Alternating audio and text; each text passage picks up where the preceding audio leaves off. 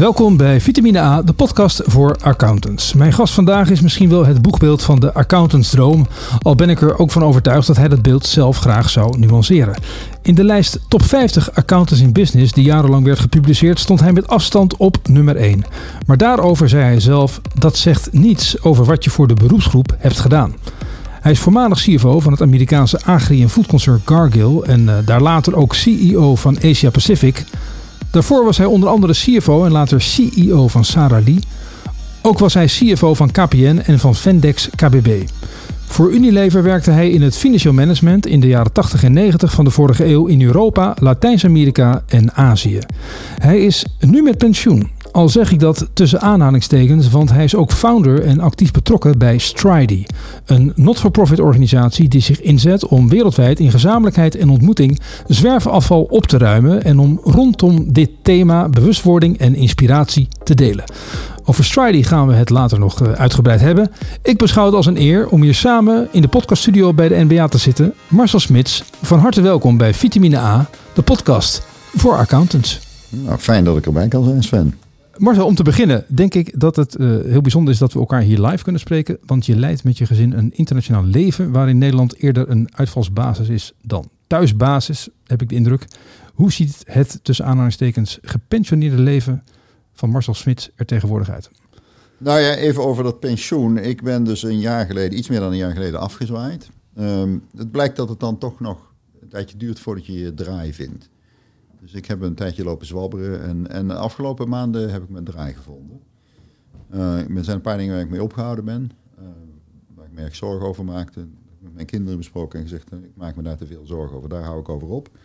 En er zijn een aantal dingen die ik leuk vind en daar heb ik hele duidelijke criteria in mijn hoofd ontwikkeld over wat, wat ik leuk vind. Dus het, het duurt gewoon een tijdje voordat je, als je uit een actieve baan van 40, 50 uur per week stapt, voordat je de dingen weer goed op een rij hebt. Um, ik heb het drukker dan ooit. En dan even over hoe ziet het leven eruit. Uh, ja, ik woon met mijn vrouw in uh, Singapore. Uh, wij zijn graag in Nederland, twee, drie maanden per jaar. en we zijn ook veel in de Verenigde Staten, want daar wonen onze kinderen.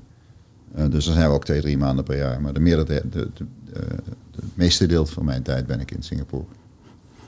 Uh, je bent registeraccountant. Je bent ooit opgeleid aan de Universiteit van Amsterdam. En na de opleiding volgens mij direct in diverse financiële functies terechtgekomen. Uh, wat maakte de combinatie van de business en de RA-titel voor jou toen de tijd aantrekkelijk?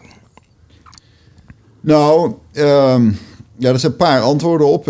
Ik ben een, zeg maar een soort opgevoerde boekhouder. Hè. Heb ik, zo omschrijf ik mijzelf altijd. Um, dus ik heb... Uh, bedrijfseconomie gestudeerd en ik heb daarnaast ook fiscaal recht gestudeerd. Dus ik ben jurist. En uh, om, om daar dan nog een laagje overheen te leggen, ben ik ook nog uh, registeraccountant geworden. Um, dat was een, daar zat een intentie achter voor een gedeelte om te zorgen dat ik een echt bijzonder curriculum zou hebben. maar het bleek dat die registeraccountantsopleiding die was heel nuttig. met name het vak controleleer vond ik heel erg zinvol. Um, en daar heb ik altijd heel veel profijt van gehad in mijn loopbaan. Dus uh, als je goed begrijpt hoe uh, controlesystemen in elkaar zitten en hoe interne beheersing in elkaar zit, uh, dat, dat hele saaie boek van Starreveld, ja, daar staan wel allemaal heel erg veel nuttige dingen. Het is een heel saai boek hoor, maar het is, er staan wel heel veel nuttige dingen in. Dus daar heb ik altijd veel profijt van gehad in mijn loopbaan. Um, maar dat kwam eigenlijk een beetje als icing on the cake. En dat, dat wist ik natuurlijk niet toen mm -hmm. ik eraan begon. Uh, daarnaast is het wel goed om registeraccountant te zijn, want dat kun je heel makkelijk uitleggen. Tegenwoordig wordt iedereen uh, in, uh, master in business administration. Maar in de tijd had je een doctoraal, ja, dat was natuurlijk in, internationaal helemaal niet uit te leggen. Dan kon je gewoon zeggen, ik ben een CPA. En dan zei iedereen, oh, a CPA. Nou, dat is veel makkelijker, dus een Certified Public Accountant. Um, dus dat was ook makkelijk in mijn loopbaan om je kwalificaties te omschrijven. Maar ik denk dat het belangrijkste is dat ik er gewoon veel aan gehad heb in mijn, uh, mijn leven. Verslaggeving was ik niet zo goed in. Uh, ik moest bij professor Bindega, uh, de, de fameuze professor Bindega, die, de, moest ik examen doen. Um, en die zei nou, meneer Smits, dat was mondeling, die zei nou, meneer Smits, u heeft het boek kennelijk wel eens doorgekeken. Maar om nou te zeggen dat u het goed begrepen heeft, dat gaat ook wel wat ver. Um, maar u krijgt een zes, want anders dan verpest ik uw weekend. Um, dus daar was ik niet zo heel goed in. Uh, maar interne controle leren, dat is echt heel belangrijk. En dat, daar is eigenlijk geen, geen banen gehad waarin ik niet daar heel veel aan gehad heb. En ook zeker later toen Sarbanes Oxley voorbij kwam. Ik heb bij KPN de implementatie van Sarbanes Oxley mogen leiden. dat was een ongelooflijk belangrijk vak. Hm. Het is ook een leuk vak om over te praten. Hè? Dus, uh, om aan je vrienden uit te leggen, waarom staan er eigenlijk nummertjes op die rolletjes van de kaartjes in de bioscoop? Ja, tegenwoordig zijn er geen rolletjes meer, hè? maar dat is ook wel heel dat is leuk. Want dan denken mensen, waarom staan er nummertjes op? Ja, dat weet ik niet. Ja, dat heeft een controle, uh, of de interne beheersingsachtergrond. Dus het is een heel nuttig vak. Je, je hebt die RA-titel ook altijd behouden. Uh, daar horen ook verplichtingen bij, zoals permanente educatie. Een luisteraar zou kunnen denken dat heeft een CEO of CFO toch eigenlijk niet meer nodig, die titel. Kan je iets vertellen over wat de RA-titel voor jou betekent, heeft en, waarom je de waarde aan uh, hebt gegeven? Ja, uh, kijk, ik weet niet of het nu voor mij nog wat betekent. Uh, in, mijn, in wat ik nu doe, hè, dus ik doe investeringen, ik um, doe dus een not-for-profit. En, en ik geloof niet dat het er nou verschil uit zou maken of ik nou RA ben of niet RA ben. Um, ja, ik, ik ben er ook wel, wel een beetje terughoudend in over te denken van nou, dan, hou ik, dan, geef ik het op. Um, want het is wel een, het is een belangrijk beroep.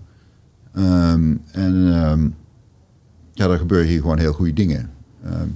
dus er zit, daar zit iets in van nou, volgens mij moet ik dat nog maar een tijdje volhouden. Ik vind het ook niet onredelijk dat er eisen gesteld worden aan de uh, permanente educatie. Um, de vorm is, is ja, dat, dat heb ik af en toe ook best, best mee te knoeien. Nou, doe ik dat nou goed of doe ik het nou niet goed? Nou. Uh, laten we naar cultuur en gedrag kijken. Ja. Uh, en natuurlijk ga ik doen aan de hand van een paar eerdere uitspraken die ik van je kon vinden. Uh, maar misschien voordat we dat doen, hoe staan we er naar jouw inschatting voor als het gaat om het vertrouwen in het accountantsberoep? Gedaald, gestegen? Of is er eigenlijk niets veranderd uh, de afgelopen jaren? Nou, de afgelopen jaren, uh, dat, laten we eerst even iets langere tijdsperiode nemen.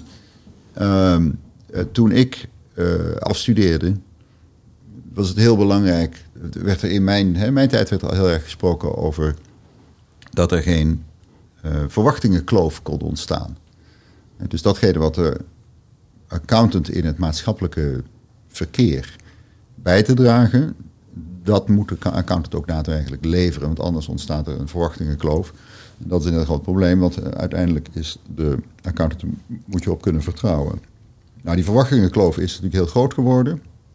Um, en ik heb de indruk dat het beter gaat, um, maar nog lang niet goed genoeg.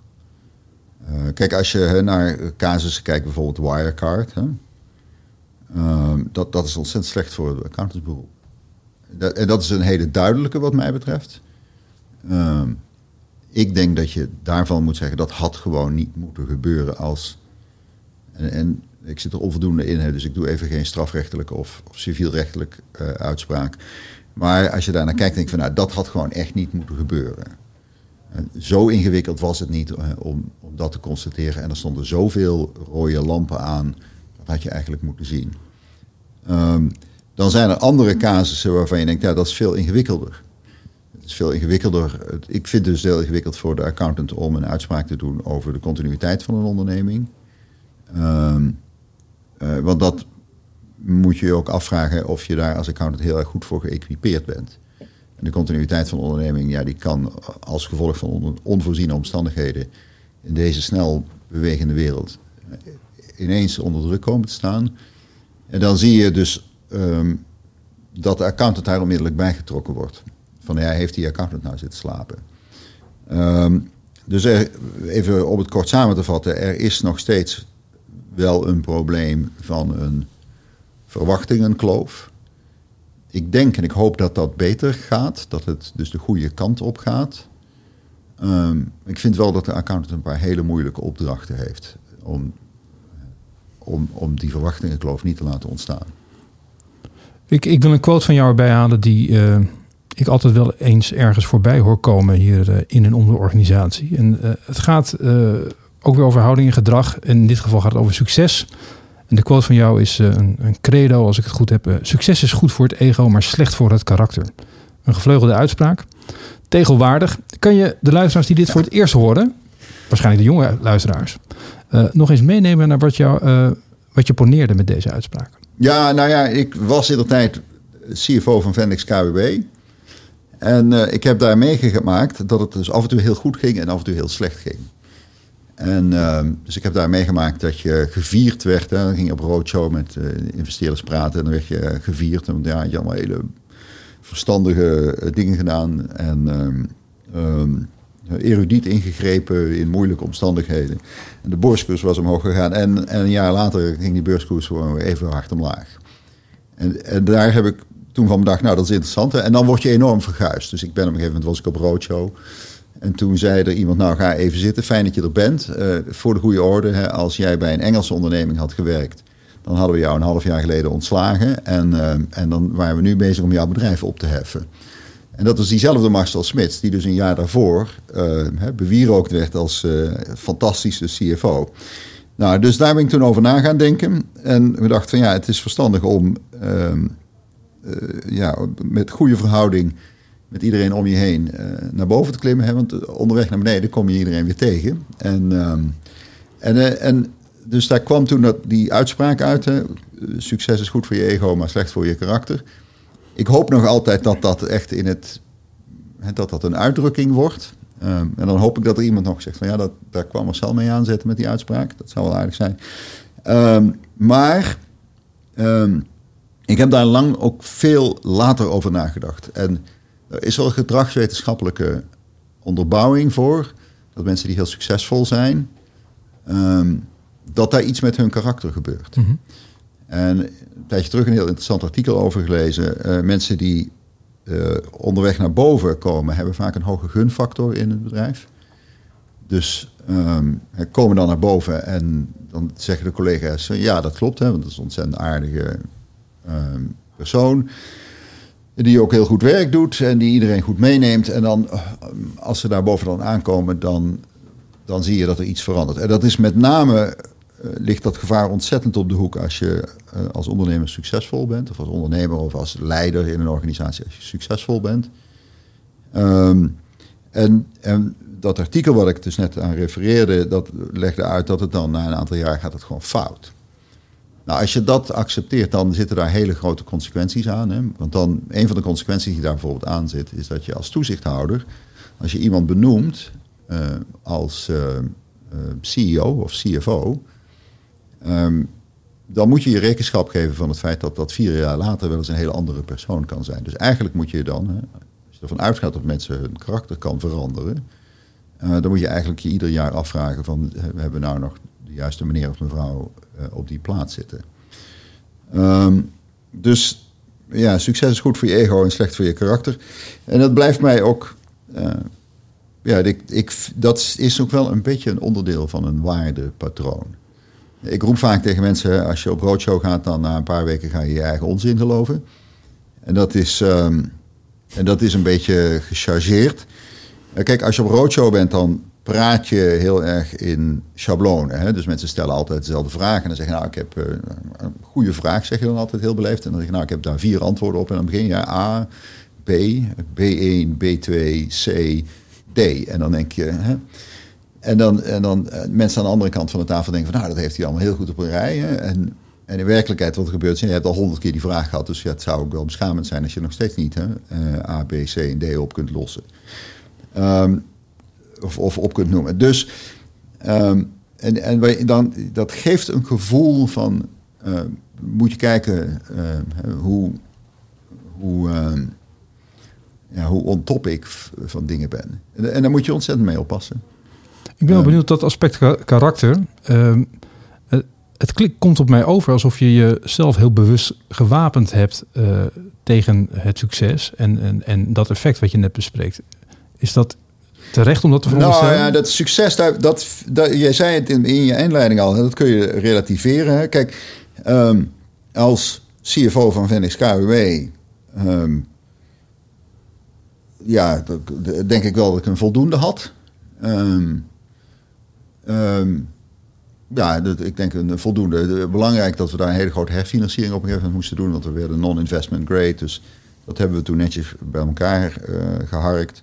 Zei een van de commissarissen, Marcel, uh, er zijn hier heel veel dingen fout gegaan. Uh, maar het was goed dat jij erbij was, want anders was het echt helemaal fout gegaan.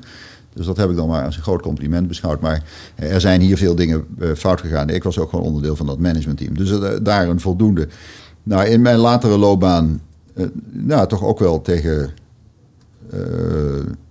ja, echt, gewoon niet alles gaat goed. En um, um, dus ik, ja, als ik naar mijn eigen loopbaan kijk, ja, dan hoogtepunten, dieptepunten. Um, dus dat is één. En dan ten tweede, ja, voor zover je dan hoogtepunten meemaakt, denk ik dat je wel bewust moet zijn om te denken van, nou ja, vandaag is het zo, maar morgen kunnen de kaarten in één keer allemaal heel anders liggen. En, en wat heel belangrijk is, daar is ook heel veel onderzoek naar gedaan. Hè. Mensen die succesvol zijn, succesvol zoals wij dat dan definiëren, hè, dus die de maatschappelijke ladder beklimmen, um, um, die hebben gewoon ook heel veel geluk gehad. Mm Er is een heel interessant boek van meneer Taleb, Fooled by Randomness. Um, en uh, dat gaat erover hè, dat mensen die in de tradingwereld zitten, zijn geneigd als ze succesvol zijn in die tradingwereld om hun eigen kunde en hun eigen instincten te overschatten.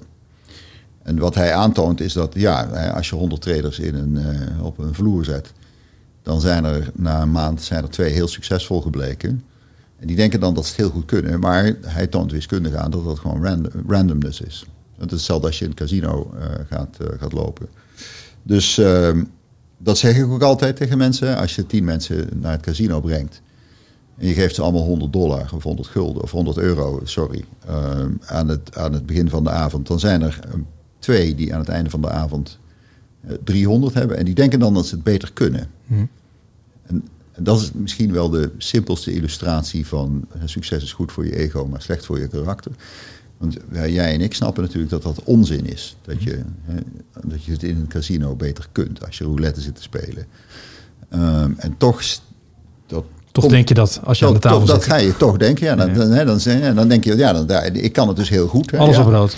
Ja, nee, en die, en die mensen die om mij heen zitten, ja, die kunnen er dus niks van. Nou ja, en, en, en dat, en dat is een illustratie. Dat is natuurlijk vrij beschamend als je dat denkt. Want ja, hm. als je gewoon iets van wiskunde weet, dan dat is dat is helemaal geen kunnen. Nou, maar dat ligt heel erg op de loer. Um, dus ik vind dat je altijd met beide benen op de grond moet blijven staan. En um, je veel rekenschap van moet geven van het feit dat je het misschien ook al helemaal fout hebt. En waar, en waar, ik, dan, in, waar ik dan wel in mijn loopbaan met plezier op terugkijk, is dat je af en toe met mensen werkt die dan zeggen: hè, Wacht even, Marcel, je hebt het helemaal fout. Die gaan dan uitleggen waarom het fout is. En um, dan er zijn een aantal voorbeelden waarvan ik dan tegen mensen gezegd heb: ja, Nou, ik had het inderdaad fout, jij hebt gelijk, en dan wil ik het morgen vroeg anders. Dan gaan we het morgen vroeg doen wat jij voorgesteld hebt. Um, dat, dat aspect, want dit gaat uiteindelijk natuurlijk ook over leiderschap waar we het hier over hebben. Ja. In combinatie met gedragswetenschappen, psychologie, misschien zo nog wel een vraag over. Ja. En nu hou je het begrip, denk ik, tegenspraak erbij. Dat je ook tegenspraak wilde eigenlijk in de organisatie. Kan je daar nog eens op reflecteren waarom je daar zoveel belang aan hebt gehecht? Nou, kijk, wat, wat is nou de essentie van leiderschap? Uh, de essentie van leiderschap is dat je een stukje voor de troepen uitloopt hè, met je visie. En dat je, maar niet zo ver dat de mensen zeggen: laat hem maar lopen, hè, want uh, hij, heeft er, uh, hij, hij loopt helemaal los. Maar wel zo ver dat mensen zeggen: nou ja, misschien zit er nog wat in, weet je wat, dan gaan we hem volgen. Um, dus voor mij is dat de essentie van leiderschap. Dus voor de troepen uit. Maar niet zover dat de mensen zeggen, ja, dat is echt onzin wat, wat hij nou zegt. Um, en als dat de essentie van leiderschap is, als je die fijne balans moet zoeken, dan, is, dan volgt daaruit dat het allerbelangrijkste is dat je weet hoe ver je voor de troepen uitloopt. Dus je moet weten wat er daadwerkelijk achter je gebeurt. En in een bedrijfs- of in een onderneming betekent dat je je informatie moet gaan zoeken. Um, en als je alleen maar luistert naar de mensen die direct, die direct aan je rapporteren, uh, dan krijg je maar een heel kleine onderdeel van de totale informatie die beschikbaar is. Dus het eerste wat ik zou zeggen, en dan hebben we het nog niet eens over tegenspraak, is ga nou gewoon lager in de organisatie af en toe je eigen informatie ophalen. Dus, dus skip af en toe iets van drie lagen in de organisatie en dan ga je eens praten met iemand die zegt, ja, jij bent de baas van mijn baas van mijn baas. Um, want dan, dat geeft je realiteitszin. Ik ben ook groot voorstander van uh, die risicoanalyses, hè, waar je dus een team samenstelt om de mensen op de werkvloer te gaan vragen. Van wat ze daarboven bedacht hebben, is dat überhaupt uitvoerbaar? Want op de werkvloer weten mensen dat vaak. Maar hoe dus voorkom je dat het intimiderend is? Ik kan me ook voorstellen als je opeens aan een bureau staat. Uh... Nou ja, dat moet je. Kijk, je moet daar goed over nadenken. Kijk, als je drie lagen onder je met iemand gaat praten, dan moet je. Denk ik, ik heb altijd dan heel erg duidelijk gemaakt: ik ben niet jouw baas. Dus ik kom hier niet om jouw instructie te geven. En dat is belangrijk, want anders dan wordt het allemaal heel ingewikkeld in een bedrijf. Als je als baas voortdurend maar orders geeft hè, op alle niveaus in de organisatie. Dat, dat is ingewikkeld. Hè. Dus je moet aan het begin van zo'n gesprek moet je zeggen: luister even voor de goede orde. Ik ben niet jouw baas. Hè. Jouw baas is mevrouw zus of zo, of meneer zus of zo. En daar krijg jij ook instructies van. Maar ik wil heel graag weten wat jij doet. En ik wil graag weten wat jij te vertellen hebt en wat jij observeert. Dus dat is één. Je moet die spelregels uh, uh, goed definiëren. Um, en ik denk dat dat het belangrijkste is. Hè? Dus vragen gaan stellen en zeggen: ik wil hier wat, ik wil hier wat leren. Um, en dan één. En dan tweedens moet je het, denk ik, met enige regelmaat doen. Hè, zodat mensen weten dat het niet zo heel bijzonder is. Um, dat helpt ook. en dan intimiderend. Kijk, kijk, voor degene met wie je praat, is het minder intimiderend dan voor de lagen die er tussen je zitten. En dat is eigenlijk heel erg goed. Want terug naar waar we het net over hadden, dus je moet zorgen dat je als leider niet losraakt van de realiteit. Nou, als je die realiteit alleen maar waarneemt door de gestructureerde lagen van informatiestromen die onder je zitten, dan is die informatie per definitie te laat en die is per definitie vervormd. Want voordat je, als je nou zo'n mhm. mooie CFO-baan hebt, hè, dan zitten er een heleboel lagen onder je. En voordat iets op jouw bureau ligt, hebben de mensen de presentatie al drie keer geoefend en zijn er al vier lagen bezig geweest om aan die presentatie te schaven. Dat betekent dat er sowieso al twee maanden voorbij is gegaan hè, voordat die bij jou op je bureau ligt. En, en dan is die ook nog heel erg geschaafd door al die lagen die daartussen zitten. Dus intimiderend, het is intimiderend voor de organisatie als de, een van de hogere bazen af en toe heel laag in de organisatie uh, gesprekjes gaat voeren. Nou, dat is intimiderend, maar heel erg gezond. Waarom? Dat creëert een cultuur waarin, je, waarin iedereen weet, ja, je moet hier geen onzin uh, naar, de, naar de laag boven je sturen. Want ja, voor hetzelfde geld zit daar bovenin iemand die ineens gewoon drie lagen, die hele hiërarchie doorbreekt. Niet in, in het geven van opdrachten, maar in het ophalen van informatie. Uh, dat is denk ik heel erg zinvol in een bedrijf om te zorgen dat iedereen een beetje grounded blijft in, in realiteit. Hm. Ehm, dus dat is een van mijn uh, belangrijkste. Dat is een belangrijke aanbeveling over hoe je nou als leider in een bedrijf moet optreden. En overigens is dat dan heel ingewikkeld, hè, want je krijgt het op een gegeven moment krijg je het ook wel heel erg druk. Um, maar het is heel belangrijk om, om je informatie uit alle onderdelen van het bedrijf op te halen. Nou, dan even over tegenspraak. Um, dus wat ik je net beschreef, dat is eigenlijk een heel simpel, is een, een, een laag of een, een, basisniveau waarin het veilig is om met elkaar over de dingen te praten zoals ze echt gebeuren. Ja, en tegenspraak. Ehm, dat, in mijn geval, dat duurt altijd even. Hè? Dus ik zeg altijd tegen mensen, als, je, als ik hè, een nieuwe groep van mensen leiding aan geef, zeg altijd van, nou, als je vindt dat ik onzin zeg, hè, of ik onzin vertel, dan moet je het vooral vertellen. En dan merk je dat mensen dat na een tijdje even gaan proberen. En daar moet je heel erg bewust op zijn. Hè? Ja, nu probeert er iemand iets. En nou kijkt iedereen hè, van ja, hoe, reageert hij daar nou op? En, um, um, en dat, eh, dat heeft een, een voorbeeldfunctie. En, en ik heb het altijd heel erg leuk gevonden om met mensen te werken die dan zeggen: nee, dat heb je helemaal fout gezien, we gaan het zo doen. En dan en daar dan ehm, veel plezier aan te beleven. Nou, dat gaan we dan ook nu doen. Ja, daar heb je me nu overtuigd. Ja, oké, ik ben het met je eens. En als je dat een paar keer doet, dan, uh, uh, dan, dan gaat dat helpen. Nou, en dan het laatste wat ik daarover wil zeggen. Kijk, je bent wel de baas en dat zegt iets over de relatieve uh, besluitvormingsmacht. Hè? Dus als je de baas bent, heb je meer uh, discretionaire bevoegdheid dan als je daaronder zit.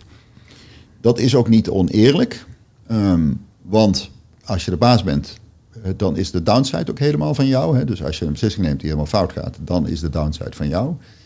Hè? Die, die kun je dan niet meer wegdelegeren. Althans, mensen die dat proberen, dat, dat is natuurlijk heel dat zijn heel verkeerde mensen. Of tenminste, die, hebben, die, nog eens echt goed nadenken over hoe het nou moet. Dus het is niet onredelijk dat je als baas meer beslissingen mag nemen dan de mensen die onder je zitten. Maar als je in de kantine um, voor de maaltijd staat te wachten, ben je gewoon weer collega's. Dus, en dat verwarren heel veel mensen. Dus de baas zijn wil zeggen dat je visie moet geven, waar we het net over hadden. Het wil zeggen dat je ook af en toe beslissingen moet nemen en knopen moet doorhakken. Maar verder ben je gewoon collega's. Wat ik fascinerend vind eigenlijk, nu we het hier zo over hebben, is... Uh, uh, je vertelde bedrijfseconomie, uh, registeraccountant... en je had nog een andere opleiding gedaan ooit. ja, fiscaal recht. Fiscaal recht. ja, geen van die drie opleidingen leidde je op om een hele scherpe visie op gedragswetenschap te hebben. een psychologische component. En wat je net allemaal beschrijft, het heeft allemaal heel direct mee te maken. Is dit iets waarvan je zegt, ja, dat zit in mij, daardoor heb ik dat toe kunnen passen en dat heeft mij in staat gesteld dit type baan te doen? Of is dat iets wat je ontwikkeld hebt gedurende je carrière? Nou, de twee dingen daarover. Ik heb daar wel eens feedback over gehad. Um, en daar heb ik heel veel van geleerd. Toen ik CFO bij KPN was, of bij, sorry, bij Vendix KWW was. Wij hadden een wat moeizame relatie met de Raad van Commissarissen. En uh, na afloop een van, van de vergaderingen met de Raad van Commissarissen uh, legde ik uit. Ja, of je nou voorzitter van ABN AMRO bent geweest, want er was iemand bij ons voorzitter van ABN AMRO geweest, of je bent minister van Financiën geweest, dan hadden we ook zo iemand, of je bent uh, voorzitter van uh, Unilever geweest. Dat kan mij niet schelen als wij het over Vendix KWB hebben. Het enige waar het wat mij betreft over gaat, is de kwaliteit van de argumenten die je ter tafel brengt over Vendix KWB. En uh, toen zei mijn baas, Ed Hamming, die zei heel snedig... ja Marcel, dat is prima dat je dat vindt, maar dat hoeven ze niet allemaal te merken. En toen ben ik daar heel erg over na gaan denken van wacht even... dus ik projecteer iets naar buiten. Dat had ik al eerder gezien hoor. Ik had het wel eerder, was ik daarbij geconfronteerd bij, bij Unilever ook. Ik, ik projecteer iets naar buiten... Um, waar wat mensen zien is anders dan wat ik probeer te zenden. Nou, dat, dat was een stukje persoonlijke ontwikkeling. Hè. Er zit dus een gat tussen datgene wat je zelf denkt dat je naar buiten zendt. En dan datgene wat andere mensen zien. En dat gat moet je onderzoeken. Ja, en ik kwam daar vrij hardhandig. Hè. Hulde aan het Hammingen. Ik werd even wakker, geschud. Ja, maar zelf moet je nou even opletten. Hè, want uh, uh, jij, jij bruskeert mensen. Nou, dus dat is één. En de tweede. Ik heb, op een gegeven moment las ik een boek van Robert Wright, The, The Moral Animal. En dat is een boek over evolutionaire psychologie. Het is een populair wetenschappelijk werk waarin evolutionaire psychologie wordt uitgelegd. En dat was ergens in de, ik denk, eind 80, begin 90 jaren of zo. En toen dacht ik, oh jee, shit, ik zou willen dat ik dat boek eerder gelezen heb. Uh, want toen vielen er allerlei dingen ineens op hun plek. Um, dus je kunt de menselijk gedrag kun je heel erg goed verklaren vanuit evolutionaire principes. Hè. Um, kun je dan ook vergelijken met gedrag wat je kunt waarnemen in diersoorten om hypothese te toetsen. En daar zit allemaal hele sluitende verklaring in. Dus dat boek las ik uh, ja, lang geleden en toen dacht ik, oh ja, maar wacht even, uh, zo zit het. En toen ben ik me heel erg in gedrag gaan uh, interesseren. Um, dan, is er, dan is er nog een boek wat ik ook iedereen zou aanraden. Dat is van Kets de Vries, als ik dat nou goed zeg. Uh, en dat heet um, Leaders, Fools en Imposters. Leiders, um, hofnarren en imposters, weet ik even niet. Bedriegers? Dus? Bedriegers, dankjewel. Ja. En uh, nou, dat boek, dat, daar worden dus verschillende typologieën van, van mensen omschreven. En ook mensen dus met karakterproblemen. En dat boek las ik. En toen, daar staan dan van die omschrijvingen in van iemand. Hè, dus dit is een narcissist. Hè, dus dat lees je dan. En toen dacht ik, oh maar wacht even, die ken ik. Dat is die. Dus toen ben ik daar heel erg over na gaan denken. Van ja, wat, wat, voor omgeving, wat voor mensen zitten er nou in je omgeving? Dus gedragswetenschapper is belangrijk uh, voor mij. Uh, maar ik heb dus zelf geleerd, door andere mensen daarop gewezen, dat je goed na moet denken over je eigen gedrag. Ik, ik geef aan mijn kinderen, als ze klaar zijn met de middelbare school, krijgen ze van mij een brief. Um, dit zijn nog de adviezen waar je, waar je misschien nog wat aan hebt als ik op een dag niet meer ben. En een van de dingen daarvan is feedback is een gift. Dus feedback kun je, je kunt echt heel erg veel leren van feedback. Dus eh, terugkomend op jouw vraag weer hè, over tegenspraak. Um, het is ook ontzettend nuttig om op feedback uit te gaan. Hè. Dus als je ergens tegenaan loopt, om dan eens aan een collega te vragen of een ondergeschikt te vragen of uh, iemand die wat verder van je afstaat en zeggen: hé, hey, wat zie jij nou? Hoe vind jij dat ik acteer? En mensen die daarin investeren, die hebben kennelijk het goede met je voor. Hm. Dus mensen die eerlijk tegen je zeggen: van, Nou, als ik naar jou kijk, dan zie ik dit en dit en dit. Daar kun je wat van leren. Dat is ongelooflijk belangrijke input. En bijna alle gevallen, mensen die daarin investeren, hebben het, goed, hebben het beste met je voor. Dus dat is even dat is een lang verhaal wel. Ja, ja het is, maar het is heel interessant denk ik, omdat uh, er zitten vaker accountants hier aan tafel. En ja, deze component blijkt keer op keer zo relevant. En tegelijkertijd wordt een accountant niet opgeleid op, op dat vlak. Dus het, ik vind het interessant dat je toelicht hoe jij daarmee om bent gegaan en wat jou geïnspireerd heeft. Ja, ja nou eens vragen aan iemand. Hè? Ja. Wat vind jij? Beste luisteraar, bedankt voor het luisteren naar Vitamine A, de podcast voor accountants. Wat vind jij? Met de uitdaging die vraag in je professionele omgeving vaker te stellen, ronden we dit eerste deel van het gesprek met Marcel Smits af. Over twee weken verschijnt het tweede deel in je favoriete podcast-app. Dan gaan we het onder andere hebben over het kerstverse moreel besluitvormingsmodel voor accountants, het belang van het beroep in de huidige tijd en over zijn recente duurzame initiatief Stridy. Voor nu bedankt voor het luisteren. Dit was Vitamine A, de podcast voor accountants.